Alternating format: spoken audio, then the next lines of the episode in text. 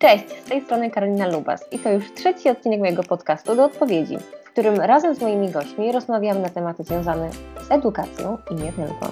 Tym razem do odpowiedzi zaprosiłam Magdalenę Ślaską, ekspertkę w sprawach języka angielskiego zawodowego.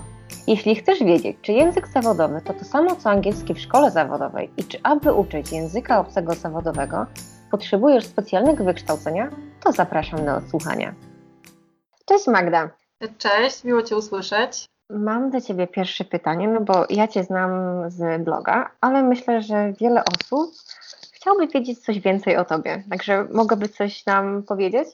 Cóż mogę powiedzieć? Jestem nauczycielką z ponad 10-letnim stażem. Na co dzień pracuję w szkole ponadgimnazjalnej, w technikum i w szkole zawodowej. E, jestem też lektorem na wyższej uczelni. E, I oczywiście moja największa pasja i zainteresowanie jako nauczyciela to ESP, czyli język obcy zawodowy. Mogłabyś powiedzieć, co dokładnie kryje się pod spromułowaniem język obcy zawodowy, ponieważ jest to chyba dość szerokie pojęcie, z tego przynajmniej co kojarzę. E, język obcy zawodowy, e, niektórzy mówią język specjalistyczny, język branżowy, ESP, ESP, e, naprawdę jest kilka nazw, ale wszyscy myślimy o tym samym, czyli o języku, który ma nam posłużyć do celów zawodowych, ma nam pomóc w funkcjonowaniu w środowisku zawodowym. Obecnie jest to mm, pod nazwą język obcy zawodowy, jest to przedmiot zawodowy nauczany w szkołach średnich, a dokładnie w technikum i w szkole branżowej czy w szkole zawodowej. E, natomiast utarło się też tak mówić e, w kontekście jakichś kursów typu in company czy kursów w szkołach e, prywatnych, jeżeli dotyczą jakiejkolwiek sfery języków specjalistycznych, na przykład języka technicznego czy biznesowego. Mhm. A mogłabyś powiedzieć mi, skąd wzięło się u Ciebie zainteresowanie tym językiem zawodowym? Ponieważ raczej niewiele osób się na to decyduje, więc jak to wyglądało u Ciebie? A właściwie przez przypadek, bo zaczęło się jeszcze na studiach. Ja studiując, będąc jeszcze studentką, podjęłam pracę w takiej dużej międzynarodowej firmie. I tam z racji swojej znajomości języka właśnie zostałam poproszona między innymi o tłumaczenie opisów stanowisk i ofert pracy a ponieważ była to duża firma taka produkcyjna, tam bez przerwy przebijał się język techniczny i tam już się sporo nauczyłam i to był taki mój pierwszy kontakt. Później trafiłam do szkoły państwowej i jakby z marszu przydzielono mi lekcję języka zawodowego. No i pracuję też na uczelni wyższej, gdzie całe lektoraty są oparte na języku zawodowym. Także może nie tyle ja wybrałam język zawodowy, co język zawodowy wybrał mnie. To przeznaczenie. Tak, przeznaczenie miło się od pierwszego wyjrzenia. To bardzo fajnie, bo naprawdę jest to dla mnie bardzo ciekawa rzecz, ponieważ sama miałam kontakt z językiem mhm. zawodowym, który był business English. I tak mhm. jak rozmawialiśmy wcześniej, właśnie mówiła, że business English też jest językiem zawodowym. Tak, jak najbardziej. Mhm. Jest to chyba najbardziej popularna gałąź języka zawodowego, e, bo o ile z materiałami do innych branży są problemy, to o tyle business English jest tak popularny, że właściwie nie powinno być problemów z podręcznikami. Natomiast samo określenie język biznesowy jest bardzo szerokie i tu może wchodzić naprawdę wszystko od sprzedaży mm, przez księgowość, e, po jakieś konsultacje, e, negocjacje. Także też jest ciężko ze znalezieniem takich szczegółowych materiałów, jeżeli byś potrzebowała powiedzmy dla specjalistów od PR-u czy reklamy, już może być problem. Mhm. Jest to zbyt szerokie pojęcie. Książki są, ale trzeba naprawdę dobrze się przyjrzeć, sprawdzić spis treści, porównać yy, i zdecydować, co jest dla nas najlepsze, czego najbardziej potrzebuje nasz uczeń.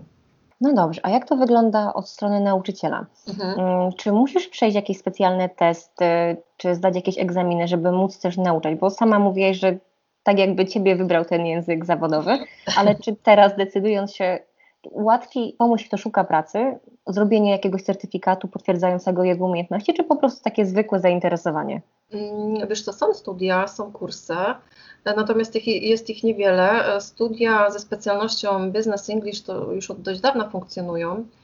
Nie wiem, czy są studia oferujące kształcenie w językach specjalistycznych i to też musiałyby być e, chyba bardzo jakieś szczegółowe studia, konkretne, na przykład język specjalistyczny nie wiem, w, w technologii, w, w, technice, w inżynierii, nie mam pojęcia. Kursy są, e, są nawet certyfikaty. Przy czym e, myślę, że nauczycielowi nie jest to niezbędne, dlatego że nikt się jeszcze nie pokusił, nie stworzył jakby profilu idealnego nauczyciela języka zawodowego. Nigdzie w żadnych dokumentach w prawie oświatowym nie znajdziesz opisu takiej osoby. Także przyjemność nauczania języka specjalistycznego przypada po prostu nauczycielowi języka obcego.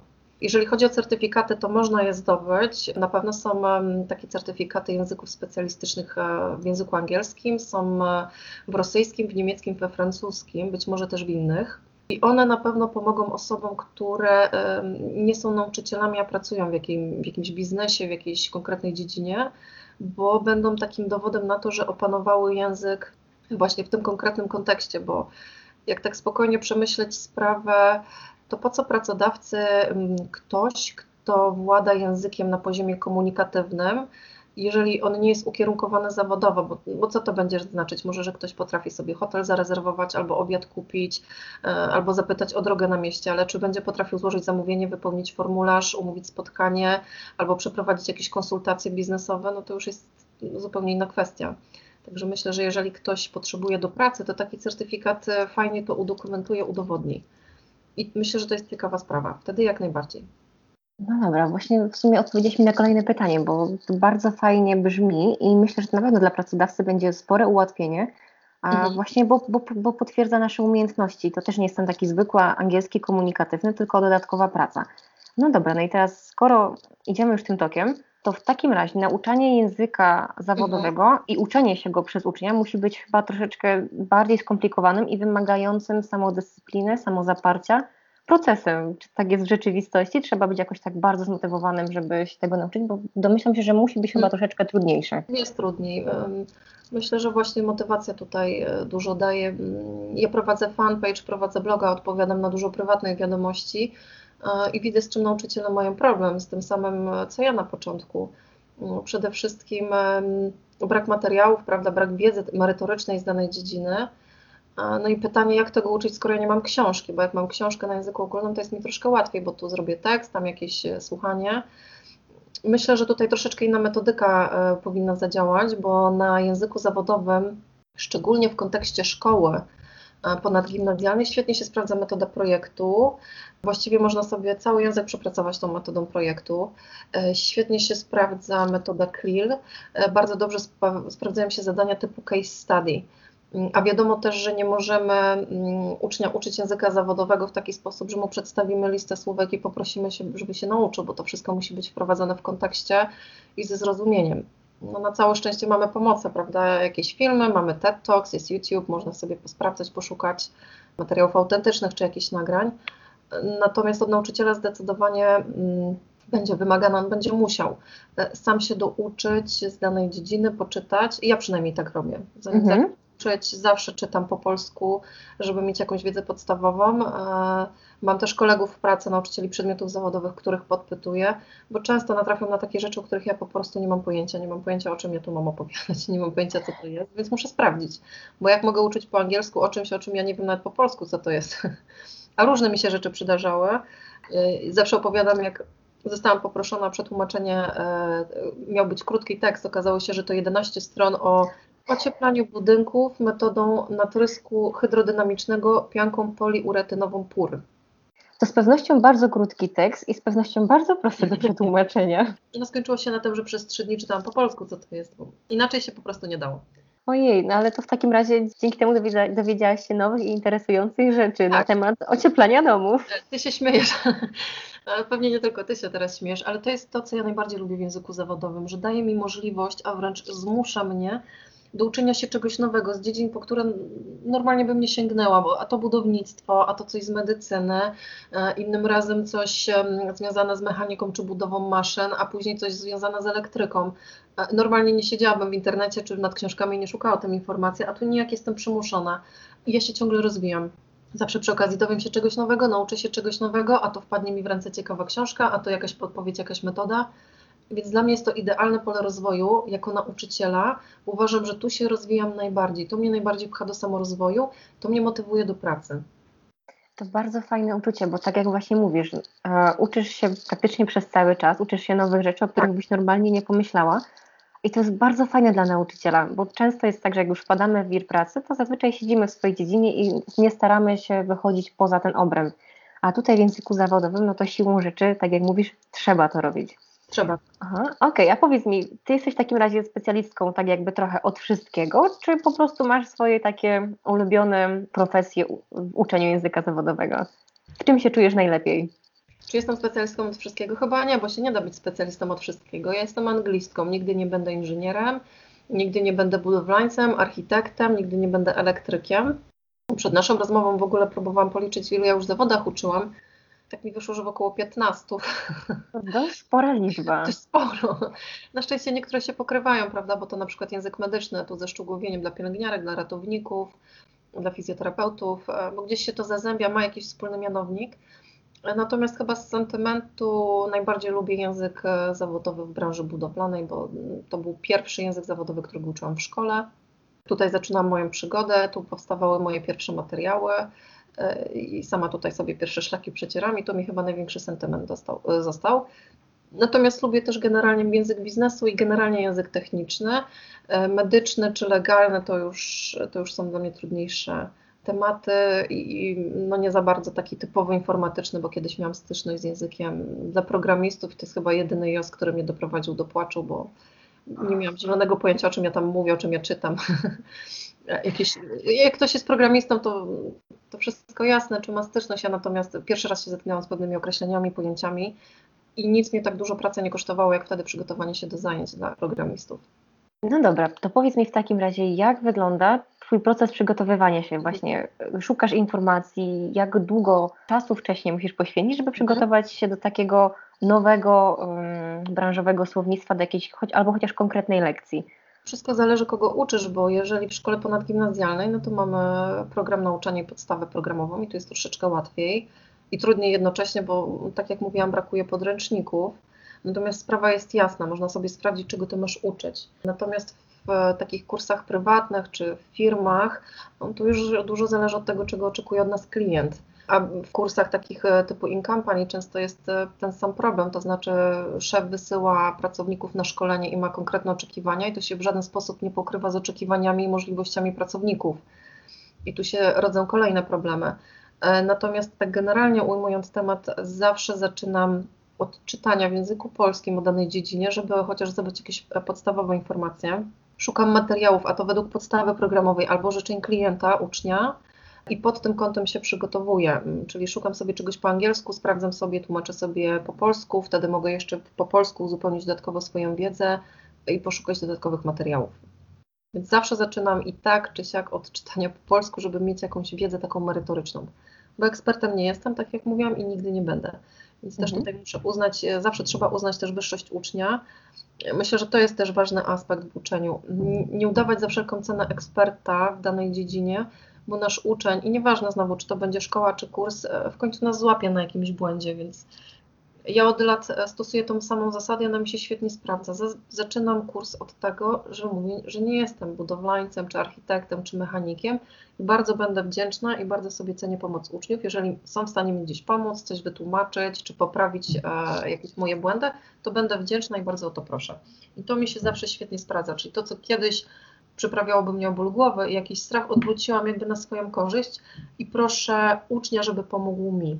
I to się fajnie sprawdza ale to też w bardzo fajny sposób buduje relacje pomiędzy tobą a uczniami, bo właśnie taki szacunek pokazujesz tak, im, że tak. masz do, nich, do, ich wiedzy. Ja jestem mhm. ekspertem angielskiego, oni w danej dziedzinie, musimy tutaj połączyć siły i pracować razem, żeby nam wszystko wyszło idealnie.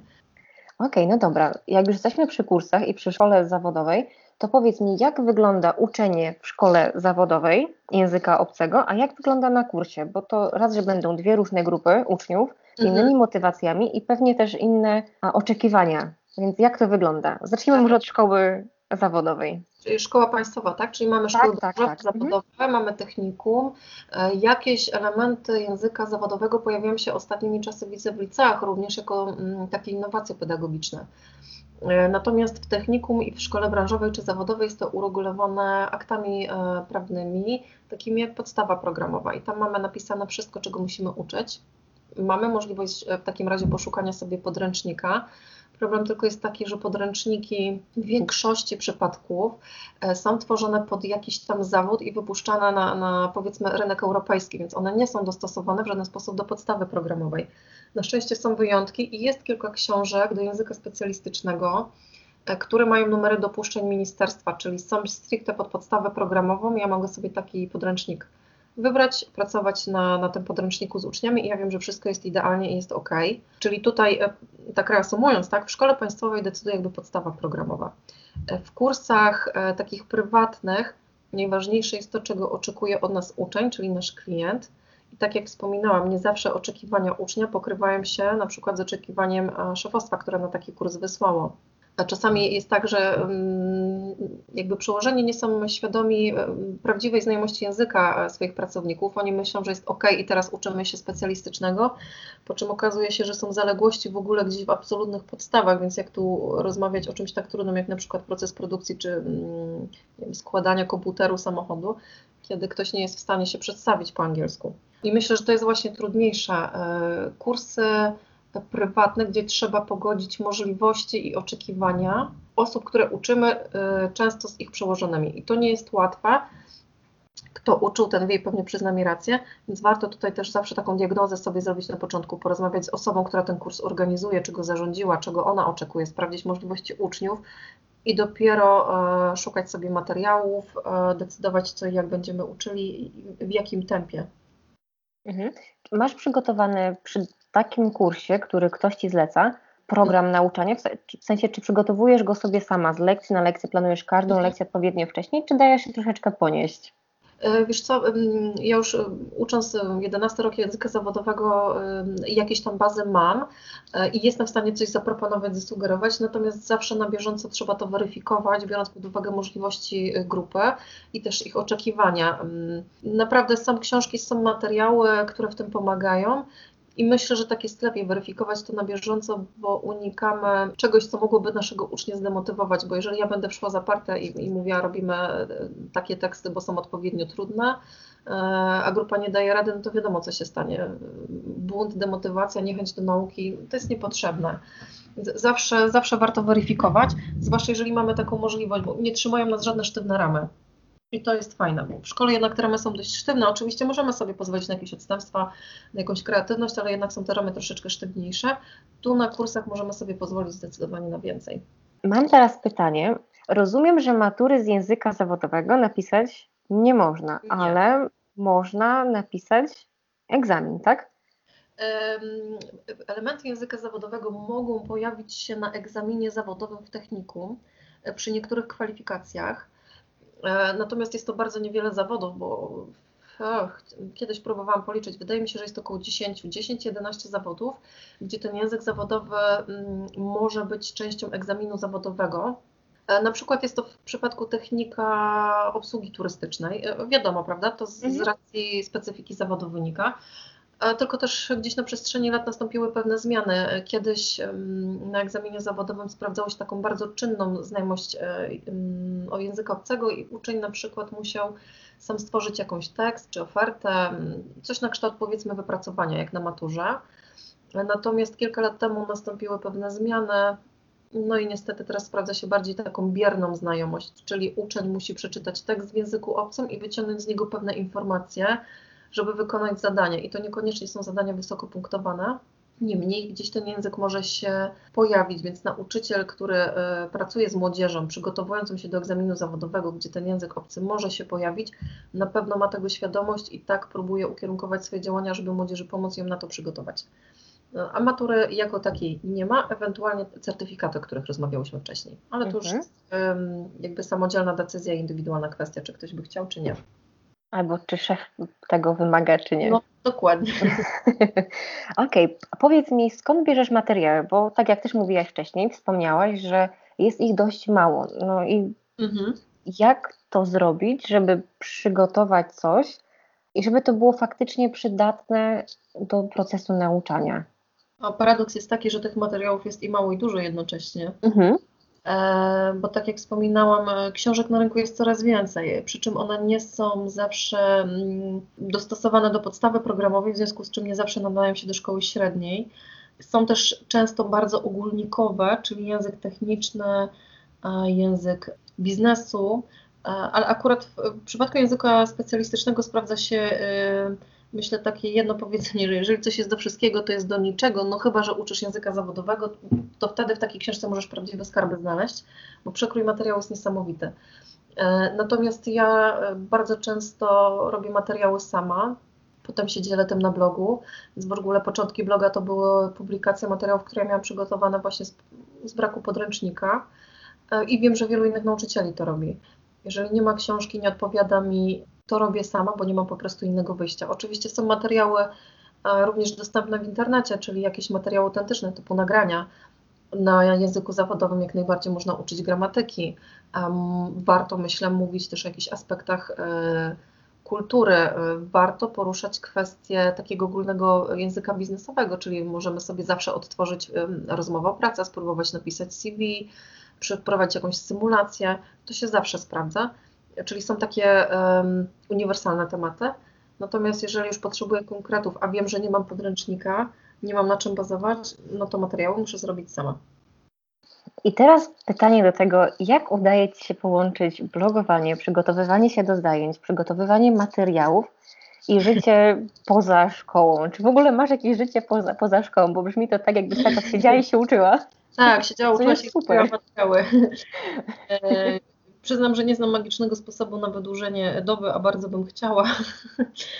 E, pracuję mm, w tygodniu w szkole ponadgimnazjalnej, w weekendy na uczelni wyższej, e, a do tego mam trzyletnią córkę, więc generalnie ja w domu nie robię nic, bo w chwili, kiedy odbieram córeczkę z przedszkola, to ja już jestem mm, mamą na pełen etat.